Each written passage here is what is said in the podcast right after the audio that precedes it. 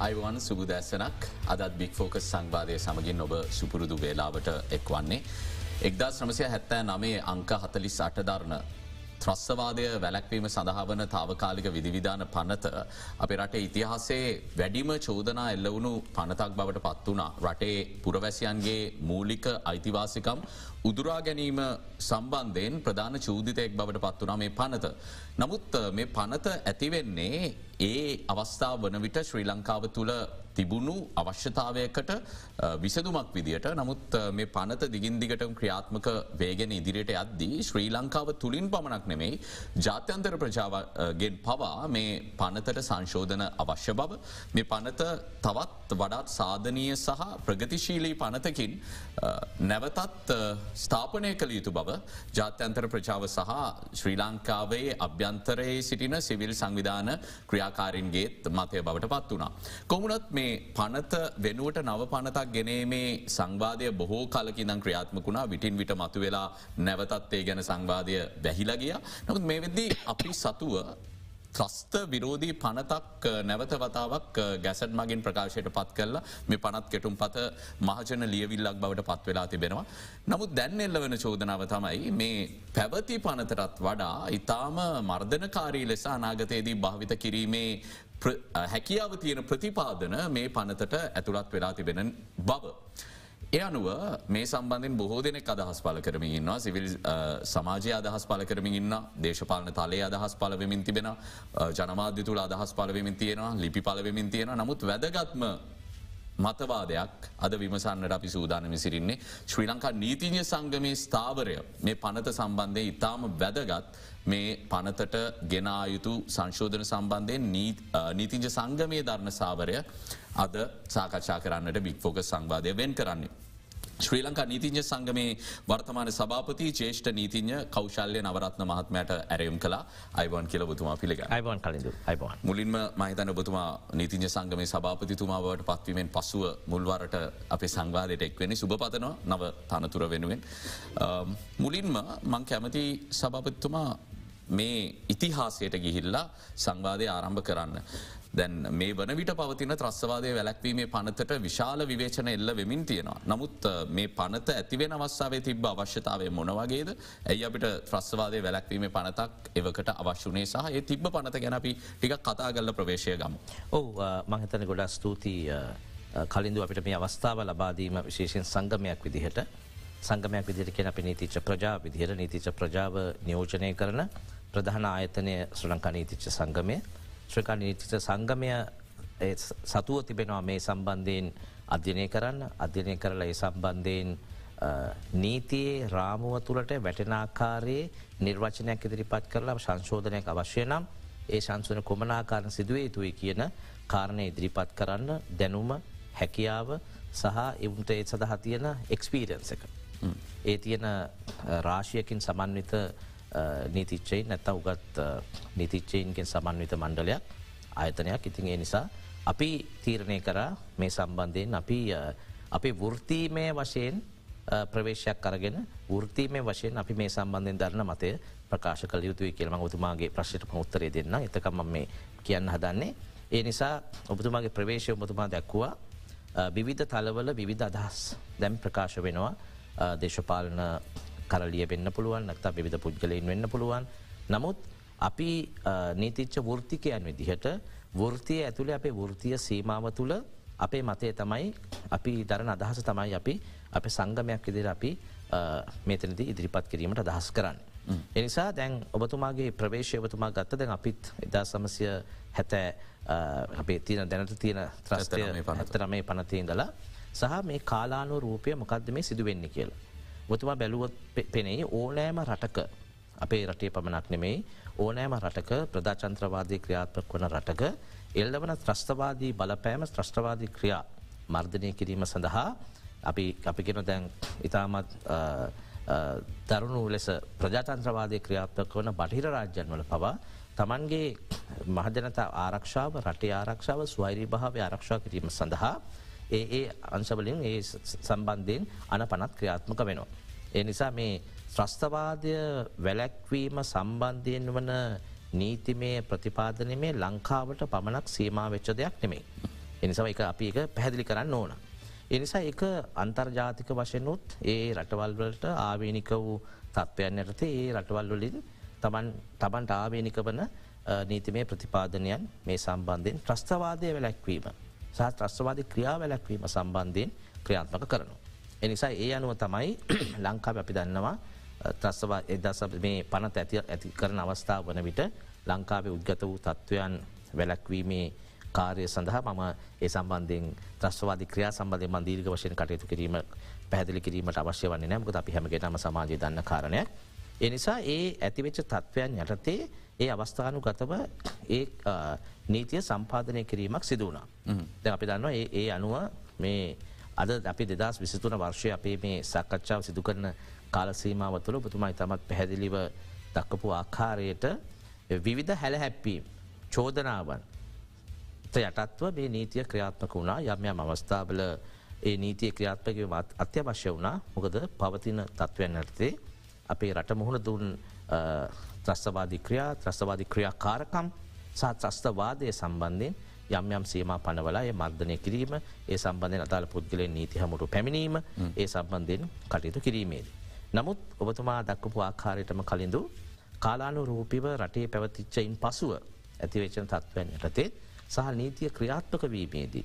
සහ නීතිය ක්‍රියාත්මකට පුද්ගලයෙන් විසින් ඒ නියත් ඒ නීතිය කොයියාකාරි නවභාවිතාවට ලක්කරමින් යම් යම් මර්ධනකාරි ක්‍රියාවන් සඳහා යොමු කරාද ඒ සම්බන්ධයෙන් පුද්ගලයෙන් චෝදනව ලක්කරාද කියන කාරණය මත යම් යම් විශේෂිත චෝදනාවලට නීතිය පත් වනා ඒ නිසා තමයි ඔබතුමා දක්කපු අකාරයට කළුන්දී ජේසිය වශයනුත් ජාතියන්තර වශයනුත් මේ රාජ්‍යයන්ට පවතින බලය සිසින රජයට බලපෑ මෙල්ලවීමට පටන් ගත්තේ ඒ නීතියේ යම්කිසි සංශෝධනයක් සිදුවේ යුතුයි කියලා.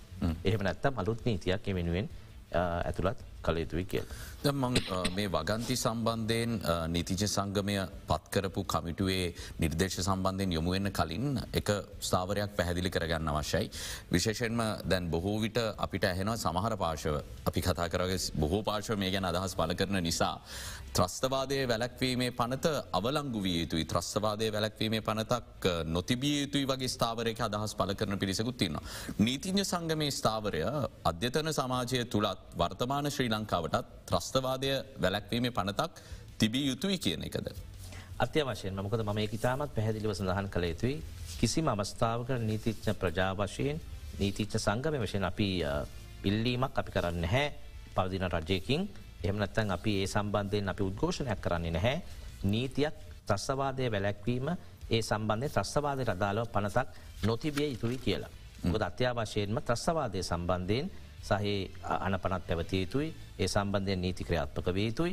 ඒ නිසා අපේ ස්ථාවරය වන්නේ නැහැ කිසිම අවස්ථාවක ත්‍රස්තවාදයට අදාළ පනතක් මේ රටේ නොපැවතිය යුතුයි කියන ස්ථාව ඒකම පැහදිලිව සඳහන් කරන්න ඕන. නමුත් පම ඉදිරියේදි පැහැදිලි කරන්න මේ පනත සම්බන්ධයෙන් අපේ තියෙන ධනාත්මක සහ රිනාත්මක තත්ත්වයන් කුමක්ත කියන එක. ඒ සම්බන්ධයනු අපේ ස්ථාවරය ප්‍රකාශ කරන්න. මොකද ත්‍රස්වාදය සම්බන්ධයෙන් විශේෂයෙන් කලින් ඔබ පැහැදිලි කිරීම අත්‍යවශ වන්නේ නැහැ. අපේ රට අවුරු ක්‍රිස් ගණනක ඉතා කුරිට යුද්ධයකට ස්ට්‍රස්වාධ ක්‍රියාවන් ේදවිච්චරට මෑත පසු මෑත කලකදී අපි පසුකාලීනව ඒ ත්‍රස්ථබාදයෙන් ගැලවුණයින් පසුවත් ඉතාමත් අවාසනාවන්ත සිද්ධිකට අපිතෙත් මේ මුහුණ දුන්න ජීවිත තුන්සිය කරන්නක් නැති වෙලා ඒ අකාරය විවිධ ත්‍රස්වාදී ක්‍රියාවන්ට යොමමේ හැකි ලක්විය හැකි අවස්ථාවධානක් තියෙන රටක්. එනිසා ත්‍රස්ථබාදය සම්බන්ධයෙන් නීති අපේ නීති පද්ධතියේ අත්‍යවශ්‍යම පැවතිය යුතුයි. නීතිච සංගමය මංහිතන්නේ ඒ සම්බන්ධයෙන් ධර්ණ ස්ථාවරය වෙන්නේ. කොමුණ ශ්‍රී ලංක නීතිඥ සංගමය මේ පනත් කෙටුම් පත සම්බන්ධයෙන් අධ්‍යනය කරලා ඉතාම කෙටිකාලයක් තුළ මේ සම්බන්ධයෙන් තමන්ගේ නිරීක්ෂණ සහ නිර්දේශ ඉදිරිපත් කරන්න ජේෂ්ඨ නීතිඥවරුන්ගෙන් සමන්විත කමිටුවක් පත් කරල තිබුණා අනුව ඔවුන් මේ වෙද්දේ කමිටු වාර්තාව ඔබතුමාට බහරදිලතින් අපේ ප්‍රධාන අභිප්‍රාය තමයි අද මේ කමිටුවේ නිර්දේශ ගැන සාකච්ඡා කිරීම. ප්‍රධාන වශයෙන්ම මේ පනතේ පනත් කෙටුම් පතේ තුන්වන වගන්තය යටතේ මේ ත්‍රස්තවාදී ක්‍රියාවක් යන කුමක්ද කියලා හඳුනා ගැනීම සිදුවීම සඳහා තමයි ඒ වගන්තිය තියෙන්නේ. නමුත් ඔබතුමාලගේ නිරීක්ෂණයටත් අනුව අපි වාර්තාව අධ්‍යනය කරදි පැහැදිලි මේ අර්ථකතනය පැහැදිලි අර්ථකතනයක් නෙමේ ඒ නිසා මේ සම්බන්ධය නිතාව නිශ්ෂිත අර්ථකතනයක් අවශ්‍යයකින් නිර්දේශය ලබාදිල තියෙනවා. මොනවගේද මේ වගන්තිය සම්බන්ධයෙන් තිය නිර්දේශ මේ හරහා කොහොමද පුරවැස්සි අයිතිවාසකම් තර්චනයක ලක් වෙන්න පුළුවන්. ඕ මංහිතන්නේ බං එක පැහදිලි කරන ඔබතු පටිතාමත් මේක ඔබතුමා දක්කොපු ආකාරයට පවතින මොකද මේකේ සමාජයේ ඉතාමත් ගැඹුරු මකතන සංවාදයක් ඇති වුණා සියලුම සමාජ හැමස්ථාර්ව ස්තරයකම විශේෂය මේ ත්‍රස්වාද පනත සම්බන්ධයෙන් සහිත යෝජිත සංශෝධනයන් සම්බන්ධයෙන්. ඒ නිසා නිතිච සංගමය විදිහ අපිට සිදුවනා හැකි විගස මේ සම්බන්ධයෙන් පූර්ණ අධ්‍යයනයක් කරලා ඒ අධ්‍යයනය අනුව අපේ නිර්දේශයන් අදාළ ආයතන වෙත යොමු කිරීම විශේෂයෙන් අධික නමාත්‍යංශයට අමාත්‍යතුමාට සහිට අමතර වශයෙන් අපිට අවශ්‍ය හෝත් ඒ සඳහා රජයේ සිටින ප්‍රධානින් වෙත අපේ සංශෝධනයන් අපේ යෝජනාවන මොකක්ද කියන එක පිදිරිපත් කිරීම තමයි අපේ ප්‍රධාන ඒ අයන අරමුණ වනේ. ඒ අනුව තමයි මේක මේ පනත සම්බන්ධය අධ්‍යනය කිරීමට හිටපු නීතිපති තුමාගේ ප්‍රධානත්වයෙන් හිටපු නීතිපතිවරේ ක්‍රීතිමත් නීතිපතිවර එතුමාගේ ප්‍රධානත්වයෙන් ජේෂ්ඨ ජනාතිපති නීතිචවරුන් කිහිපතිනෙක් සහ හා කනිෂ්ට නීතිච්චෙක් වන අමිල පල්ලියගේ මහත්මා මේ කමිටුවේ කැඳවුම්කර විෂයට පත් කරලා අපි මම මේ අවස්ථාව ගෞරවය පුද කරන්න ඕනේ කමිටුවට. ඉතාමත් සාර්ථක ලෙස මෙහි තිබෙන රිනාත්මක සහ ධනාත්මක කාරණයන්ට අදාළව නිසි අධ්‍යයනයකින් යුක්තව අපිට මේ වාර්තාව නීතිච්ච වරුන් විදිහට නීතිච සංගමය විදිහට සමාජය ඉදිරිපත් කරන්න පුළුවන් ආකාරයට ඒ වාර්තාව අපි ලබාදිල තියෙන ජනද නීතිජ පාලිත පාලිත පනැන්ඩ සභාපති සභාපතිතුමා තමයි මේක දැරන ඊට අමතරවත් ජනතපති නීතිචරු කිහිප දෙනෙක් මෙහි සාමාජිකත්වය දැරුව.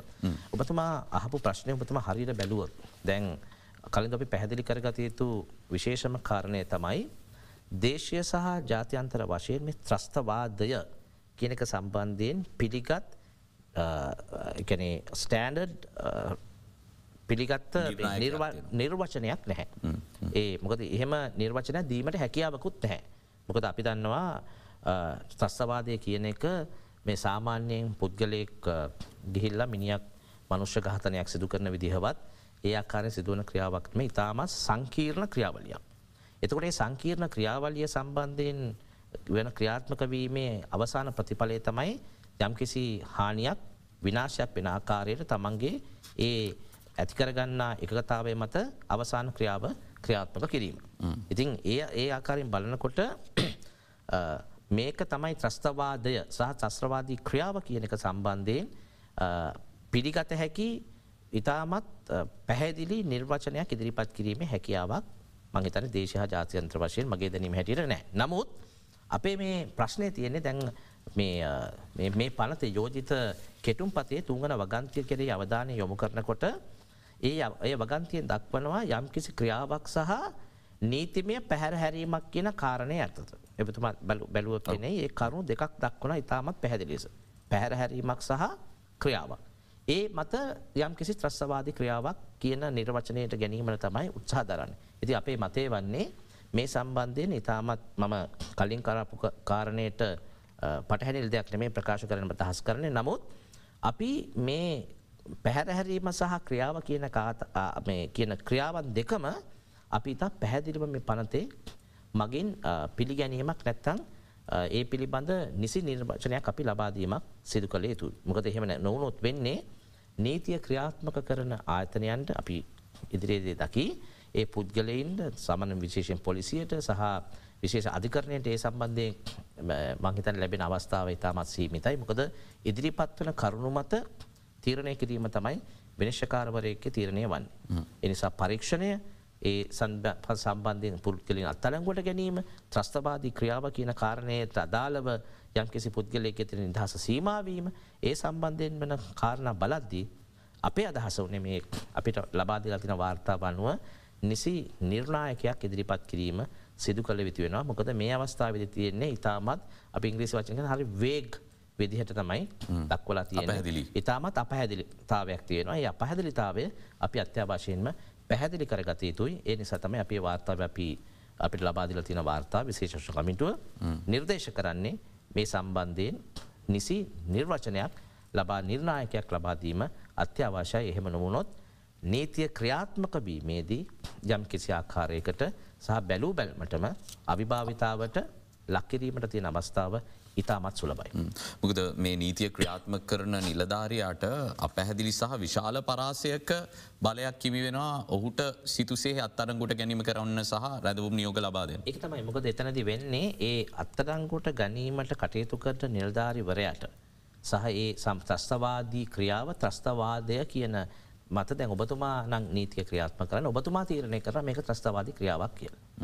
ඉති එහෙම උන්නහම ඔබතුමාගේ මතය අනුව නීතියට වඩා ඔබතුමා දරන ඔබතුමාට ලැබෙන අභිමතය මත ක්‍රියාත්මක වීම මංහිතන්නේ පුද්ගල නිදහසට මංහිතන අපි මං පැහැදිලි කරන්න රටේ පවතින සහ පැවති තත්ත්වයන් යටතේ ඥාත් නීතිය ක්‍රියාත්ම කරන පුද්ගලයට අත්‍යවශයෙන්ම පුළුවන් තමන් දරන මතය අනුව යම්කිසි පුද්ගලෙක් පනත යටතේ යම්කිසි චෝතනාවට ලක් කරන්න මේ ත්‍රස්තවාදීය වැලැක්වීමේ පනත යටතේ යම් කිසි පුද්ගලෙක් චෝදනට ලක්වෙනවා කියන්නේ එක ඉතාමත් දරුණු තත්ත්වයක් අපි දන්න සාමාන්‍ය නීතිය සහ මේ විශේෂ නීති අතර තියෙන වෙනස එකයි. මොකද විශේෂත කාර්ය සඳහා සම්බත කරන නීතිීන් ඒ නීති ක්‍රියාත්මක වීමේදී මංහිතන පුරවැරිසි අයිතිය අනිවාරයෙන්ම අපයෝජනය කර ලක්වීමේ හැකියාවක් තිබෙනවා. ඒ නිසා තමයි අපි නීතිච සංගමය විදිහට අපි යෝජනාවක් කරන්නේ. විශේෂයෙන් පන්තය තුන්ගන වගන්තය සම්බන්ධයෙන් දැඩි අවධානයක් යොම් කරන්න කියලා. අපි එකොළොස්වනි වගන්තියට අවධාන යමුකරොත් සභපතුවා මේ ටෙරරිස් පබ්ලිකේෂන් කියන එක විශේෂම ත්‍රස්වාදයට තුඩු දෙන දැන්වීම් කියන කාරණයේදීත් බොහෝ දෙනෙක් මේ සම්බන්ධයනුත් කනස්සල්ල පල කරන මේ සම්බන්ධයෙන් ති අර්ථකතනය ගැනත් ප්‍රශ්තියනවා කියලා. අපි ඔබතුමාගින් විමසන්න මොනවගේ නිරීක්ෂණයද කමිටු වාර්තාවේ ඒ සම්බන්ධය ලබාදීලති. ඒ විතරක්ටමේ මම එන්නම් ඔබතුමාට දහය එකොල්හා වගන්ති දෙක සංසන්ධනාත්මක බලන්න. හොඳයි මොකද මේකේ දාහත්වන වගන්තිය බලපුහාම කලින්දු මේ යෝජිත පනතේ දහත්තන වගන්තිය කියන මේවා කනයිසබන් ඔෆෙන්සස් කියලා. එකන ඕනම කෙනෙකුට වරන්තුවක් නැතුව අත්තඩංගුවට ගැනීමට පුළුවන් ඕනෑම පුරපැසිය ඕනෑම පුද්ගලයෙක් මේ පනත යටතේ. සහ මේ පනත යටතේ තියෙන විශේෂිතම කාරණය තමයි ඒ අදාළ නීතිය ක්‍රියාප්ත කන පුද්ගල තීරණය කරනවා මේක ත්‍රස්වාධි ක්‍රියාබද්ධ කියලා. එතකට බරන්තුවක් අත්‍ය වශ වෙන්න අධිකරණය මැදිහත්වීමක් නැහැ.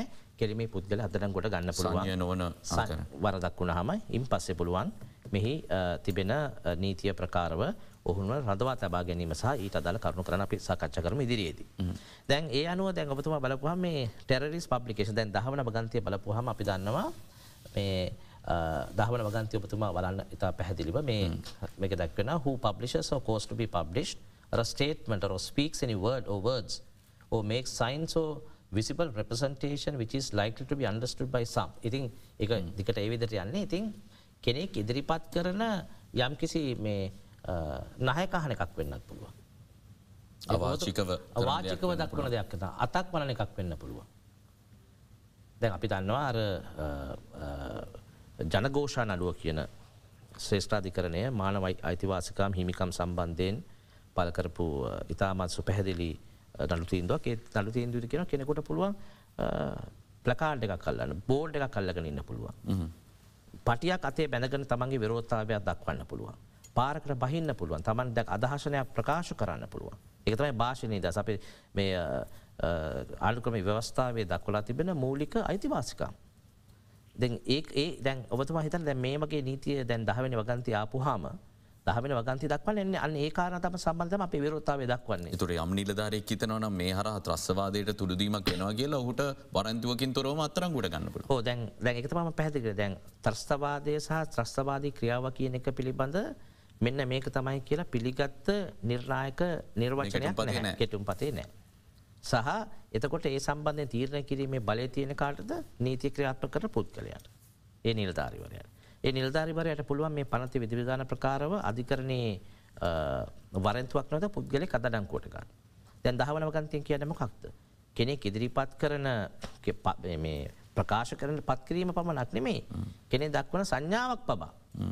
පුද්ගලෙක සංඥාවක් පබත් ත්‍රස්සවාදී ක්‍රියාවක් වගේ විදිහට කෙනෙකුට අර්ථකතනය කරන්න පුළුවන්. මෙතන් කමිට වාර්තාවම උන් දක්වල තියෙන could also cover harmless actions of the public such as organizing and informing the public of a future protest. සමහර වෙලාට අනාගතයේදී සංවිධාන කිරීමට නියමිතව තිබෙන උද්ඝෝෂණයක් සම්බන්ධයෙන් සිදු කරන දැනුවත් කිරීමක් පවත් රස්වාදයට තරන් අත්තරංගොට ගන්න ඉඩ ලැබෙන පුළුවන් කිය ඒක තමයි අපි අපි අපේ ප්‍රධාන අපේ තර්කය වෙන්නේද අපි ආණ්ඩුකම ව්‍යවස්ථාව ගත්තහම ආණ්ඩුකම ව්‍යවස්ථාවෙන් පුද්ගලෙකට ඔබට මට අපේ සිට සෑම පුරවැසියකොටම මූලික වශයෙන් අපිට තියෙන අයිතිවාස්කන්දීලතිය. අපිට පුළුවන් අපිට ඕන අපේ භාෂණය දහසතිය. භාෂණය දහස කෙන අපේ පාලසුන ආටිකල් පහල්වේ තිබෙන සීමාවන්ට යටත්ව අපිට තියෙන අප අයිතිවාසකම් බුක්ති විදින්න පුළුවන්. එක තමයි මූලික අයිතිවහම රටේ තියෙන්නේ. භාෂණය ප්‍රකාශනය ගමන් බිමක් කෑමේ එක් රැස්වීමේ තමන් විරුද්ධ මතයක් දැරීමේ කැමති ආගමක් ඇදහීමේ කැමති විදිහට තමන්ට ඩිසෙන්ට එකක් අපිට පෙන්න්න. විරෝතාවයක් පෙන්න්න තින අයිතිව මේ අපිට නීතිය තියෙන අයිතිවාසික. ද අපේ තියෙන ගැටලුවක් තමයි මේ පනත මේ ආකාරයට ක්‍රියාත්මක වීම සිදුරොත් ඒකයි කමිට වාර්තා ඉතාමත් සුපැහැදිලි ලෙස දක්වලා තිබෙන්නේ කෙනෙකුට ඒ අත්තඩගොට ගන්න පුළුවන් වරන්තුවක් ඇතුව ඒ තීරණය කිරීමේ බලය තියෙන්නේ නීතිය ක්‍රියාත්ම කරන පුද්ගලයට එතු අන්තිමතිමකද වෙන්නේ. කෙනෙක් දක්වන සංඥාවක් පවා මේකේ ත්‍රස්සවාදි ක්‍රියාවක් කියලා තීරණය කරන්න පුළන්ගේ දැන් ඔබතුමා ඊට තවටිකක් මේ පනති ඉදිරියට ගියපුහාම දකින මේක වෙන්නට ප්‍රින් මීඩිය එක වෙන්න පුළුවන්. ඉන්ටනෙට අන්තර්ජාලය වෙන්න පුළුවන්. එහෙමත ඉලෙක්ට්‍රොනික් මීඩිය එක වෙන්න පුළුවන්. එහෙමත අද ෆෝර්ම පබ්ලික් නෝටිස් වෙන්න පුළුව. එතු එහෙම එතුට ඒවගේ ඉතාමත් විවෘර්ත විශාල පරාශ්‍යයක් තුළ මෙවන් ආකාරයේ මේ නීතිය ක්‍රියාත්මකවරීමේදී අනිසි ලෙස ඉතාමත් අපහැදිලි ලෙස නැතම් බොහොම විශාල පරාසයක් තුළ නීතිය දැක්වීම මංහිතන්නේ ඉතාමත් භයංකාරය මොකද එහෙමුණහම අපි දකිනවා යම යම් අවස්ථාවල රජයට විරුද්ධව දපිතිතමු විරුද්ධ පක්ෂයට. විරුද්ධ පක්ෂයේ තියෙන ප්‍රධාන භූමිකාමකක්ද. විරුද්ධ පක්ෂය තියෙන ප්‍රධාන භූමිකාම තමයි පවතින රජයේ තියෙන අලුහුළුකම් පෙන්නලා ඊට විරුද්ධ කටයුතු කරන. ජනතාව පෙළ ගැස්වන ජනතාව පෙළකස්සන්න මොකද ඒක තමයි සාමාන්‍යෙන් විරුද්ධ පර්ශවයකට තියෙන තියෙන යම්කිසි මූලික අයිතිවාසික තමන්ගේ තියෙන මූලික බලාපොරොත්තු වනදේ. ඉති මේ පනත යටත කිරාත්මකුණොත් කෙනෙකුට මකට වෙනවට කියන නෙමෙයි කෙනෙකුට පුළුවන් පෙන්නන්න මේක තමයි සිදුවෙන ත්‍රස්ථවාද ක්‍රියාවක් කියලා ඔවුන්ට විරුද්ධ කටයුතු කරන්න පුළුවන්.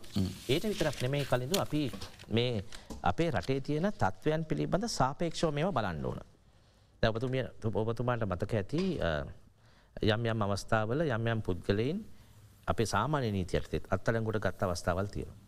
අපි යම් කිසි දැරියකගේ මරණයක්ස මන්නම් කියන්න කැමති නැහැ යම් පුද්ගලන චෝදනාවට ලක්වුණා. ඒ පුද්ගල අත්තඩංගුවට ගත්ත සමහර අවස්ථාවල අපි දැක්ක ඒ අත්තඩංගුට ගත්ත පුද්ගලේ ම තමයි මේ වරද කරේ කියලා මේ පාපොච්චාරණ පාපොච්චාරණය කර කියලේ පාපොච්චාරණ අති කරනවට ඉදිරිපත් වුණ.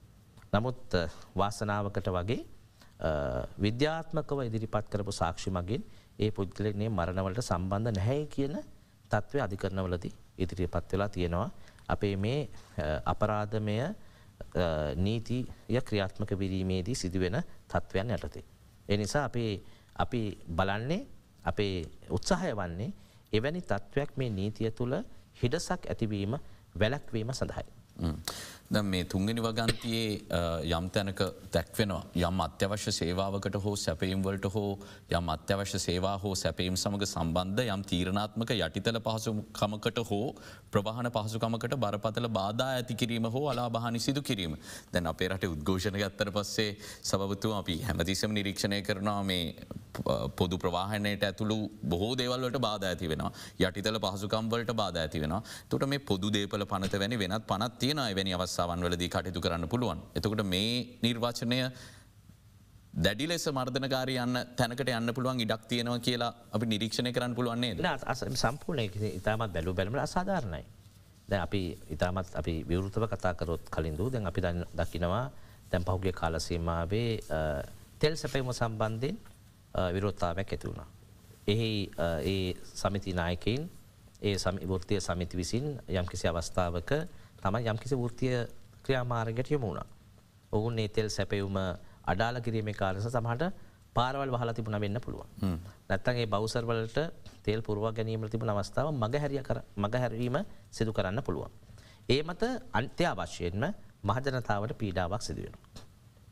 අත්‍යවශයන මහජනතාවට සිදුවෙනවා. නමුත් ඒක අපිට ත්‍රස්තවාදය සහ ත්‍රස්තවාදී ක්‍රියාවක් කියලා නිර්වචනය කිරීම ම හිතන්නේ ඕනෑම සර්වසාධාරණ නීති පද්ධතියක් තුළ මහිතන සාධාරණ දෙයක් නෙමේ. ඒ සම්බන්ධයෙන් කටයුතු කිරීම පාරක් අනිසිල සාව හිර වෙනවන පාරක සිදුවන දෙයක් පිළිබඳ යම්කිසි බරදක් සිදු වෙනවන ඒ සඳහා සාමාන්‍ය නීතියටද ක්‍රියාත්මක වෙන්න ගරු අධිකරණයට පුළුවන් ඒ ගැන තීරණ ගන්න. ගරු අධිකරණයට තීර කරන්න පුළුවන්. නීතිය ක්‍රියාමල් කර නිලධාරීන්ට ඒ පනත්යටතේ අධිකරණය වෙත ඉල්ලීම් සිදු කරන්න පුළුවන්. ඒ සම්බන්ධය කිසිම ප්‍රශ්නයක් නෑ. නමුත් සත්‍ය වශයෙන්ම මේ ත්‍රස්තවාදය සහ සත්‍රවාදී ක්‍රියාව කියන එක නිර්වචනය කරලා මෙවන් ආකාරයේ සාමාන්‍ය පුරවැසියට.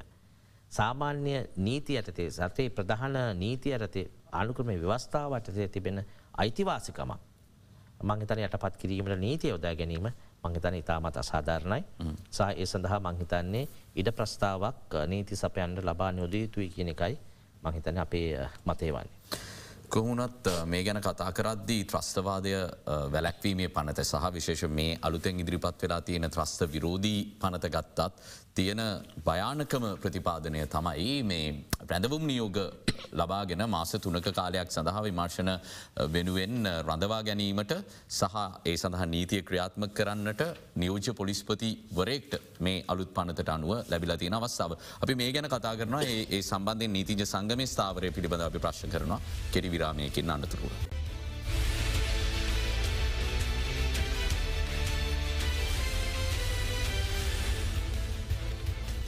ඉදිරිපත් වී තිබෙන ත්‍රස්ත විරෝධී පනත් කෙටුම් පත සම්බන්ධයෙන් නීතිජ සංගමය පත් කළ කමිටුවේ වාර්තාව පිළිබඳව අපි එහි සභාපතිවරයා සමඟ සාකච්ඡා කරම සිරින්නේ ජේෂ්ඨ නීතිඥ කෞශල්‍ය නවරත්න මහත්මයත් එක්ක. සභපතුමා දැන් මේ තව විශාල ආන්දෝලනයක් ඇති කරල තියෙන ප්‍රතිපාදනයක් තමයි මේ නවකෙටුම් පතේ තියෙන නියෝජ්‍ය පොලිස්පතිවරුන්ට අත්තරංගුවට අරගෙන රැඳවුම් නියෝග ලබාදීමේ අවස්ථාව සලසාදීම.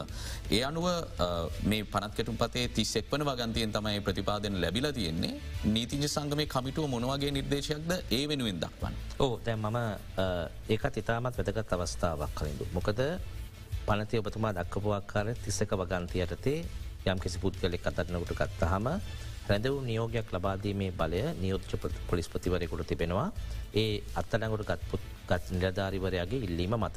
යම් කිසි කරුණු දැක්වීමක් කරන්න ඕන පනතිය තියෙන ප්‍රතිපාදන අනුව. නමුත් ඒ නියෝජ්‍ය පොලිස්පතිවරයාට පැඳවම් නියෝග නිකුත් කිරීමේ සම්පූර්ණ බලය ලබාදීල තිබෙන මේ පනත්වර මංහිතන එක ඉතාමත් නැවතවතාවක් යම් කිසි ආකාරයක අපි එකගවීමට නොහැකි ප්‍රතිපාදනයක්. ඒක ඒ සම්බන්ධයෙන් තමයි අපේ කමිටුව වාර්තාව ලබාදීලා තිබෙන්නේ තමන්ගේ විශේෂ නිර්දේශ යටතේ.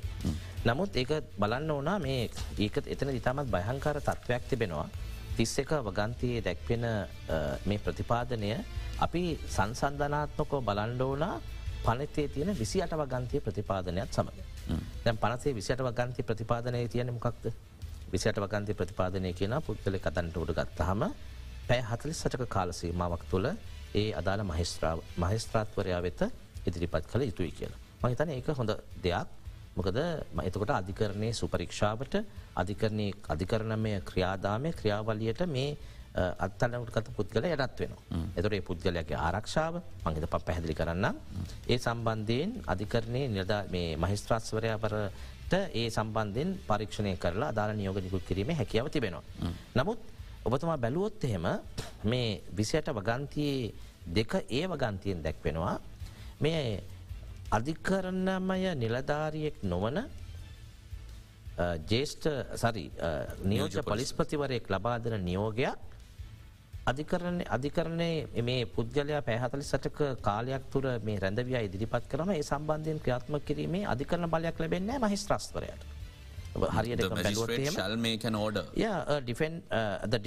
has been issued in terms of section 31 and is placed before the magistrate for his inspection. The magistrate shall make an order to give effect to the, uh, the detention order. Mm. මංහිතන්නේ මංහිතන්න අධිකරණයට දෙන්නම වෙන අවසරය. අධිකරණය මේ නියෝජ්‍ය පොලිස්පතිවරයෙක් ලබාදීපු නියෝගය රැඳවුම් නියෝගය බලා බලාත්මක භාවය ලබාදිය යුතුයි මහිස්ත්‍රාත්වරය මංහිතන ඒ අවස්ථාව අධිකරණමය ක්‍රියාදාමය විනිශ්ෂකාරවරයකේ විනිශ්ෂකා විනිශ්ෂය සඳහා ලබා දෙන අධිකරණමය බලය පැවරීමක් සිදු වෙනවා. නියෝජ පොලිස්පතිවර මහිතන ඒ ඉතාමත් අසතටුදායක තත්ත්වයක් ඒ නිසා තමයි මේ සම්බන්ධයෙන් කමිට විශේෂ කමිට වාර්තාව ලබාදිල තිබෙන්නේ. මේ සම්බඳෙන් අත්‍යවශයෙන්ම මහිකරන මාත්‍යංශවරය අධිකරන මාත්‍යංශය මේ විසිට වගන්තිය සහ තිස්සක වගන්තිය සංසධනාත්මක ක්‍රියාත්ම බලලා ඒ සම්බන්ධයෙන් නැවත නිසි සංශකෝධනයක් දිරිපත් කිරීමට කටයුතු කළ යුතුයි. මොකද පනත මගින් අධිකරණය විනිශ්ෂකාරවරයකුට යම්කිසි විනිශ්චයක් තීරණයක් නියෝගයක් ලබාදීමට තිබෙන අධිකරණමය බලය ඉවත් කිරීම සිදු නොකළ යුතුයි. එනිසා එක තම අපේ දැඩි ස්ථාවරය. සහ අපි දැක්ක වගේ විශේෂඥ කමිටුව ලබාදීල තියෙනවා නිර්දේශයක් මේ රැඳවුම් නියෝගවල කාලසීමාව සම්බන්ධය. රැජුම් නියෝගල දැන් අපි දැමිතන තියෙන තියෙන තත්ත්වය තමයි අපි නිර්දේශය කරන්නේ. දැන් අපේ නිර්දේශය තිවෙන මේ ගැම්කිසි පුද්ගලයෙක් රැඳුම් නියෝක මත පරීක්ෂණ කටයුතු සඳහා අපි මේ කටයුතු කරන්න ත්‍රස්තවාදය සම්බන්ධයෙන් පනතා. නීතියක් තියෙන්න්න ඕන නීතිය මොක ත්‍රස්තවාදය සාමාන්‍ය නීතියටතේ ත්‍රස්වාදි ක්‍රියා සම්බන්ධයෙන් කටයුතු කරන්න දනුවම් පැමිණීමට ඒ සඳ පරීක්ෂණ නිරීක්ෂණ කරන්න සඳ පුද්ගලින් ලංකාවට කැඳවගන්න ඒ සන්බන්ධය සමහට අපිට හැකියාවක් නොවෙන්න පුළුවන්.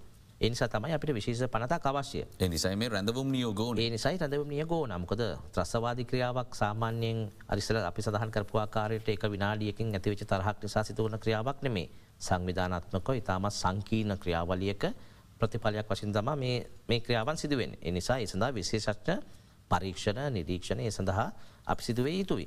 නමුත් ඒ සම්බන්ධයෙන් කටයුතු කිරීමේදී අධිකරණයට තිබෙන අධිකරණමය බලය කිසිම ආකාරයකින් කප්පාදූකට ලක් කිරීමක් සිදුවීමට ඉඩ ලබාදිය නොහැකි. යනුව මාස තුනක රැඳවුම් නියෝග ලබාදීමේ හැකයා මාසයකට අඩු කර අඩු කරන්න කියලා නියෝග අපි මේව කරලා තිබෙනවා යෝජනා කරලා තිබෙනවා. ඊට අමතර ඒ පමණක් නෙමෙයි අවශ්‍යතාවයක් තියෙන නම් පනතට සංශෝධන ඉදිරිපත් කරලා ඒ රැදුම් නියෝග කාල සීමාව අධිකරණය සුපරීක්ෂාවයටතේ අධිකරණය සලක අධිකරණයට නිසිකරුණු දිරිපත් කරලා ඒ ඒක අපිට අපි ජස්ටිෆයි කරන්න පුළුවන්න රැදුම් නියෝග කාලසීමාව දික්කර ගැනීම අවස්ථාව තිබෙනවා.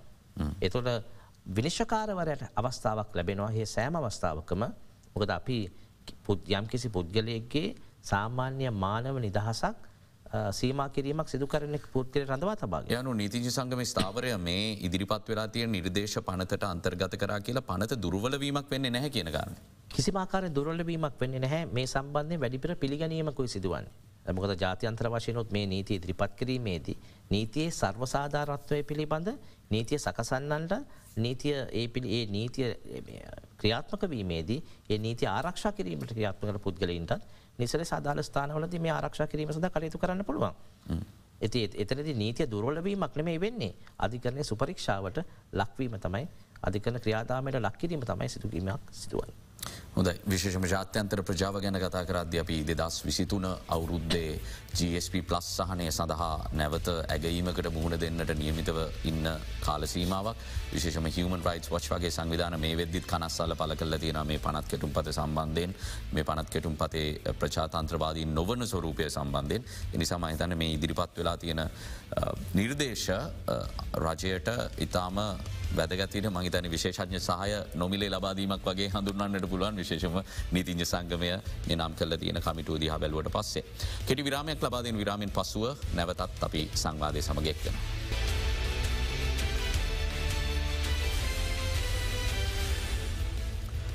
ශ්‍රී ලංකා නීතිජ සංගම සභාපති ජේෂ්ඨ නීතිඥ කෞශල්‍ය නවරත්න මහත්මඇත් එක් අපි සාකච්ඡා කරමින් සිරින්නේ සභපත්තුමා දැන් මීට දින කිහිපයකට පෙර මේ සංවාදයේදීම අධිකරන අමාත්‍යවරයාගෙන් මම මේ පනත් කෙටුම්පත් සම්බන්ධයෙන් විමසූ අවස්ථාවේ ඔහු එක්විට එක ස්ථාවරයක් පල කරා. දෙදස් දහටේදී ත්‍රස්ත විරෝධී පනත ප්‍රතිත්‍රස්ත පනත කෙටුම්පත් වන අවදියේ ශ්‍රී ලංකා නීතිජ සංගමේ කමිටුවක් ඒ සඳහා නිර්දේශ ලබා දුන්න උන්ගේ සහයෝගය ලබාගත්තය අනුව සියලුම දෙනා ඒ අවසානයේ සකස් කරමින් හිටපු කෙටුම්පතට එකඟ වුණා ඒ හා සමානම කෙටුම්පතත් තම මේ ඇවිල්ල තියෙන යනු නීතිජ සංගම මේකට විරුද්ධ නැහැ කියලා. මොකක්ද ප්‍රතිචාරය. මහිතන්නේ එක ඉතාමත් නිවැරදි කියලා සීරසියක් නිවැරදි ප්‍රකාශයක් නෙමෙයි. අපි මේ ඒ පනතයි මේ පනතයි කියලා කියන කතාව නමුත් කියන්න ඕන අපි මතමතකයි ප්‍රතිතස්ත පනතක්කාව ඒ පනත ගෙනාපු වෙලාබේ එකෙටුම් පතට සම්බන්ධයෙන් අපි විශේෂ කමිටුවක් පත් කර. ඒ කමිට ඉතාමත් පැහැදිලි ලෙස එක පරීක්ෂා කරලා අපේ නිර්දේශ අදාල අවස්ථාවද ත්‍රිපත් කළ. නමුත් ඒ පනත ඒ පනත සීරසිය අපේ නිර්දේශ මත ප්‍රතිතස්ස පනත සීරසියක් සකස් කිරීමක් සිදුවනෙත් නැහැ. සහ ඒ අපි ඉදිරිගත නිර්දේශ මත සීර සීයක් මේ පනත සකස් වෙලත් නැහැ. ඉති ඒ නිසා තමයි අපි අපි දැම් මේ පනත ගත්තහම අපි දකිනවා සෙක්ෂන්ස් රාශයක් තිබෙනවා. හැබැ අපි විශේෂිතව අපි විස්සකට අදාල සෙක්ෂන් විස්සකට අදාල වගන්ති විස්සකට අදාල ප්‍රමාණයක් සම්බන්ධතම අපේ දැඩි අවධානය අපි යොමු කරලා තියෙන්නේ මොකද අපි කියන්න මේ පනතක් ගේන්න එපා කියන කතාවන මේ පැහැදිලි අපි අපි කියන්නේ මේ පනත මගින් සාමාන්‍ය ජනතාවගේ අයිතිවාසිකම් අපේ පුරවැසි අයිතිවාසිකම් කප්පාදු කිරීමකට නැත යටපත් කිරීමකට ත්‍රස්රත් අපි කියෙන සාමාන්‍ය බස රාජ ත්‍රස්තවාදයකට යටත් කිරීම වලක්වීම කාරය සඳහා පමණයි. අපේ නිර්දේශ අපි මේ තෝරාගත් අපි අඳුරාගත් විශේෂත වගන්ති කෙරෙහි අපි යොමු කරලා තිබෙන්නේ. න සඳහ මැදත්වේ වගකීම නීතිජ සංගම විදිට ඔබතුමලට පැවරිලා තියන අත්‍යවශයන් ගැන බලාපොරොත්තු වෙන අත්‍යවශනය අපිට අත්හල නොහැකි වගකීමක්. මොකද අපි රටේ පුරවැසියන් ගයිතිවාස්කම යටපත්වෙන අවස්ථාවකදී යටපත් කිරීමට පනතකින් ක්‍රියාත්මක වීමට උත්සාහත් කරන අවස්ථාවකදී අපිට වගකීමක් තිබෙනවා. රටේ නීතිය මේ ආකාරයෙන් ක්‍රියාත්මක වේතුයි නීති සම්පාධනයේදී ඒ අයිතිවාසිකා මගතියට යටපත් කිරීමට යටත් නොවන ආකාරයට නීතිය සම්පාධනය සිදුවේතුව කියන කරුණ අපිට අදාළ පුද්ගලින් දිරිපත් කිරීම පමණක් නෙමේ ඒ මහජන අයිතිය ආරක්ෂා කිරීම සඳහා පෙනී සිටීමේ අත්තල නොහැකි වගකීමකුත් අපිට තිබෙනවා. ඒ වගේම දැන් මේ කමිටුව නිර්දේශ කරල තියෙනවා අධිකර නමත්‍යංශයට මේ වෙනස් විය යුතු තැන් ගැන අවධානය යොමු කරන්න යෝජන ඉදිරිපත් කරන්න ඒවගේම දැන් ඉදිරියේදී මේ පාලිමේන්තුවේ සභාගතවීමෙන් අනතුරුව ශ්‍රේෂ්ඨාධිකරණය අභියෝගයට ලක්වන අවස්ථාවකදී ශ්‍රී ලංකා නිතිජ සංගමය අපේක්ෂා කරනවාද මීට එරෙහිව පෙත්සම් ඉදිරිපත් කරන්න අධිකරණය. ඕදැන් අපි විශේෂයෙන් අපි උත්සා කරන්නේ කලින්ඳු මේ පාර්ලිමේන්තුවර මේක ඉදිරිපත් කරන්න එපා. මේ සංශෝධන සිදු කරන්න කෙළ ඉල්ලීම තමයි අපි අධිකරන මාත්‍යතුමාටත් අමාත්‍යංශයටත් සහ රජයේ ප්‍රධානින් වෙත අපි ඉදිරි අපේ කරන යෝජනාව. ගොද අධිකරන ක්‍රියාමාකයකට යොදවීමක් අවශ්‍ය වන්නේ නැහැ මේ සිද නිසි සහ අත්‍යවාශ්‍ය වන සංශෝධන සිදු කරන මන් දකින මේ මෑත කාලේ ගර මාතතුමා දක්වන ලද අදහස් සනුවත් මට පෙනෙනවා. එතුමටත් යම්යම් ගැටලු සහගත තත්වයන් මේ පනත තියන යම්යම් ප්‍රතිපාදනය සම්බන්ධින් තිබෙනවා. නමුත් දැන් අධිකර නමතුමා දරන දැඩිස්ථාවරය තමයි ප්‍රශ්නයක් තිබුණොත් මෙය ව්‍යවස්ථාවත් එක්ක ගැටෙනව නම් මූලික මිනිස් අයිතිවාසිකම් උල්ලංඝනය වෙරනවා නම් එය ගරු ශ්‍රේෂ්ඨාධිකරණය කියයි. ඒ ගැන වෙන කාටවත් කරදර වෙන්න වශනය ඊට පස්සේ අපි බලමු කියලා. නෑ මහිතනය හිත ඉතම සාධාරණ ප්‍රකාශයක් කියලට සලකන්න බැහැ ගොද එතුමට පුළුවන් අපි මේ ඉදිරිපත්වන සමාජය සිවිල් සමාජය මේ සංගම් ප්‍රධානීන් මේ නීතිය පිළිබඳ ප්‍රකාශයක් කරන්න පුළුවන් නිර්දේශයක් කරන්න පුළුවන් විද්වතුන් ලබාදිනදේ සැලකිල්ලටගෙන යහපත් කතිකාවක් ඇති කරලා මේ පනත ගේනවනම් විවේශ නැතිවන්නෙත් නැහැ පනත සම්මත කර ගැනීම සම්බන්ධයෙන් කාගවත් විරෝත්තායක් මතුවන්නෙත් නැහැ. ඇති නිසා අපි උත්සාහ කරන්නේ ඒ ඒ තත්ත්වයට ගේන්න එහෙම නැතුව මේ තියෙන තත්ත්වය යටතෙම තියෙන ආකාරයෙන්ම මේ කෙටුම් පත පාර්ලිමේන්තුර ඉදිරිපත් කරොත් මංහිතන්නේ අපිට සිද්ධ වෙනවා. අපිට ඒ සම්බන්ධය නිර්දේශ ඉදිරිපත් කිරීම සඳහා ශ්‍රේෂ්ඨාධිකරයට ඉදිරිපත් වෙලා අපි වෙනුවෙන් අපිට කරුණු ඉදිරිපත් කරන්න. එත් එක්ක අපි දැන් මේ ගොඩක් තියෙන රිනාත්මක පැති කතා කර. නීතිජ සංගම මේ සම්බන්ධය අධ්‍යනය කරද්දී මේ අලුත් පනත් කෙටුම් පතේ ධනාත්මක තැන් අඳුන ගෙට තියෙනද නෑ ධනාත්මක තැන්තිබෙන පැදිලියම ධනාත්මක තැන් දකින අපිට ප්‍රධාන එකයි මගේ සඳහන් කරේ. මේ පනතේ මේ කෙටුම් පතේ වගන්ති විස්සකට ආසන්න ප්‍රමාණයක් සම්බන්ධ තම අපේ ප්‍රධාන අපේ සැලකිරීම අප දක්වන්නේ ඊට වැඩි ප්‍රමාණයක අපිට සැලකීම දැක්වීමට අවශ්‍යතාව තිබුණ අපික දක්වනවා. එකින් අදහස් කරන අපි මේ පනතට සම්පූර්ණයෙන්ම සම්පූර්ණ වශයෙන්ම අපි එකකතාවයක් නැහැ කියෙන කතාවන මේ. නමුත් අපි දකින්නේ මේ පනත ඇතුළ කර මේ විශේෂත වගන්ති විස්සේ ඇතුළත සංශෝධන සිදුකරොත් මංගතන් මේ පනත නීතිය බවට පත්කිරීම සම්බන්ධයෙන් ගැටලුවක් ඇතිවන්නේ නැහැ. ඒ නිසා දකින ප්‍රධානම ධනාත්මක දේ තමයි පුද්ගලය කතරංකොට ගත්තයින් පසුව පැෑ හතරි සටක කාලසීමාවක් තුළ ඔහු අධික මධහිස්ත්‍රාත්වරයට ඉදිරිපත් වෙලා.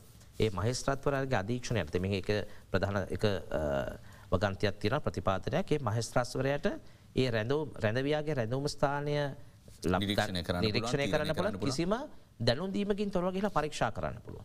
ඒ විතර පමණක් නෙමේ යම් කිසි අවස්ථාවකෝ යම් කිසි වදහිංසනයකට යම් කිසි පහරක්දීමට ලක් වෙලා තිබෙනවා නම් ඒ පිළිබඳ වාර්තාවක් ලබාගෙන වෛද්‍ය වාර්තා ලබාගෙන ඔහුට විරුද්ධව ඒ පුද්ගලන්ට විරුද්ධව අපරාධ නීතියටතේ කටයුතු කරන්න කියලා නීතිපතිවරයට නිර්දේශ කරන්න පුළුව. නියව කරන්න පුළුව. ඉති ඒක ඒවා ධනාත්මක පැති. ඒවා ධනාත්මක පැති ඉතින් ඒ නිසා අපි දකින්නේ ඒ ධනාත්මක පැති තිබෙන නීතියේ මේ රිනාත්මක තියෙන කරුණුත් ධනාත්ම කරගත්තන මහිතන මේ නීතිය සම්මත කර ගැනීමේදී වැඩිදුර විරෝත්තාවයක් නැගෙන එකක් නෑ කෙනෙකයි මගේ හැඟීම.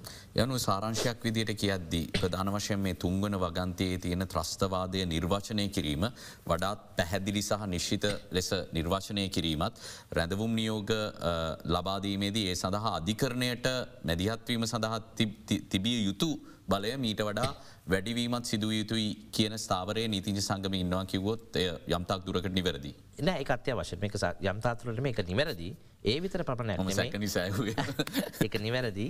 ඒට විතරක් නෙමෙයි. නමුත් ඒ ත්‍රස්තවාදී ප්‍රකාශනයන් සහ ඊට බල දැ දහය සහ කොලාවගන්තීන් හිරිත වෙන ප්‍රතිපාදනයත් අත්‍යවශයෙන්ම අතිවාශයෙන්ම සංශෝධනය කර ලක්වේ යුතු එහෙම නැත්තං ඒ තුනවගන්තිය ඔබතුමා දක්වපොද දහය වගන්තිය එකොළහව ගන්තිය සහ රැඳව් නියෝග විසියට වගන්තිය තිස්සක වගන්ති සමඟ කියවල දාහත වගන්තිය සමඟ අපි සංසන්ධනාත්ම කවල පුහම පුද්ගලෙක් මංවිසල් දක්කපු ආකාරයට තමන් අපි දකිනවා සාමාන්‍යයෙන් මුහුණු පොතේ යම් කිසි ප්‍රකාශයක් නිකුත් කරන්න පුළුවන් හිටින ජනාධිපත අපි බන්න පහුග කාලේ ඉතා විශාල ලෙස ජනප්‍රියත්වයට පත්වෙච්ච හැෂ්ටැක් එකක් තිබෙන. ඒක පත් ඒක පලකර පුද්ගලට පමණක් නෙමේ ඒකට අපි දකින ලයික එක කැමැත්තක් ප්‍රකාශ කරන පුද්ගලෙකුට පබා මේ පනත යටතේ ත්‍රස්තවාදය ත්‍රස්වාදී ක්‍රියාවක් ත්‍රස්තවාද යටතේ නඩු පැවරීම සිදු කර මහිතන එක මත සාධාරණයි. ඒ නිසා මේ පනත මේ අපි දක්වලා තියන ආකාරයට ඒ සංශෝධනයට ලක්වේතුයි ඒ ලක්වන්නේ නැත්තං ඒට ලක්කිරීමකට නොකර නීති බවට පත් කරන පාර්ලිමේන්තු දිරිපත් කරනවා නම් මහිතන්නේ අපිට වෙන ක්‍රියාත් බලියක් නැහැ. නීතියේ පද්ධතිය තියෙන ක්‍රියාවනුව අධිකරනම ක්‍රියා මාර්ග යොමීමට තිබෙන ඉට ප්‍රස්ථාව ඉතාමත් බහුලයි. හොදයි නීතිජ සංගමේ සභාපතිතුමා සඳහන් කළ ආකාරයටම රටේ පුරවැසියන්ගේ මූලික අයිතිවාසිකම් වලට තර්චනයක් ඉදිරිපත් වෙන නීති අන පනත් හෝ ඕනෑම තර්චනයක් ඉදිරිපත් වන අවස්ථාවක ඒ වෙනුවෙන් ඉදිරියට පැමිණ ඉදිරිපත්වීමේ වගකීම අත්හැරීමට නොහැකි වගකීම නීතිජ සංගමට පැවරිලා තිබෙනවා. ඒ නිසා විශේෂම මේ කමිටු වාර්තාව ඉදිරිපත්වෙච්ච සැනින්නේ සම්බන්ධයෙන් අපි සාකච්ඡා කරන්න සභාවත්තුමාට ඇරයුම් කළේ. බෙවින්ම සූතියන්තයන ඔබතුමා. කඩිනමින්ම අපිට අවස්ථාව ලබා දුන්නාට. අපි ඒ සමගින් අදට සංවාදය අවසන් කරන්නට සූදානම සිරින මං ආරාධනා කරන සභපත්තුමාට ඉදිරියටත් අපි හමු වෙලා රටට වැදගත් මාතෘකාවලද මේ විදියට කතා කරමු කියලා. ඔබතුමට ස්තුතිවන්තයන ගමන් අදට අපි සංවාධයෙන් සමුගන්න හෙටත් සුපුරුදු වේලාවට වැදගත් මාතෘකාවක් එක්ක ඔබ හමුවන්න අපි සූදානම් සුපදිනයක්.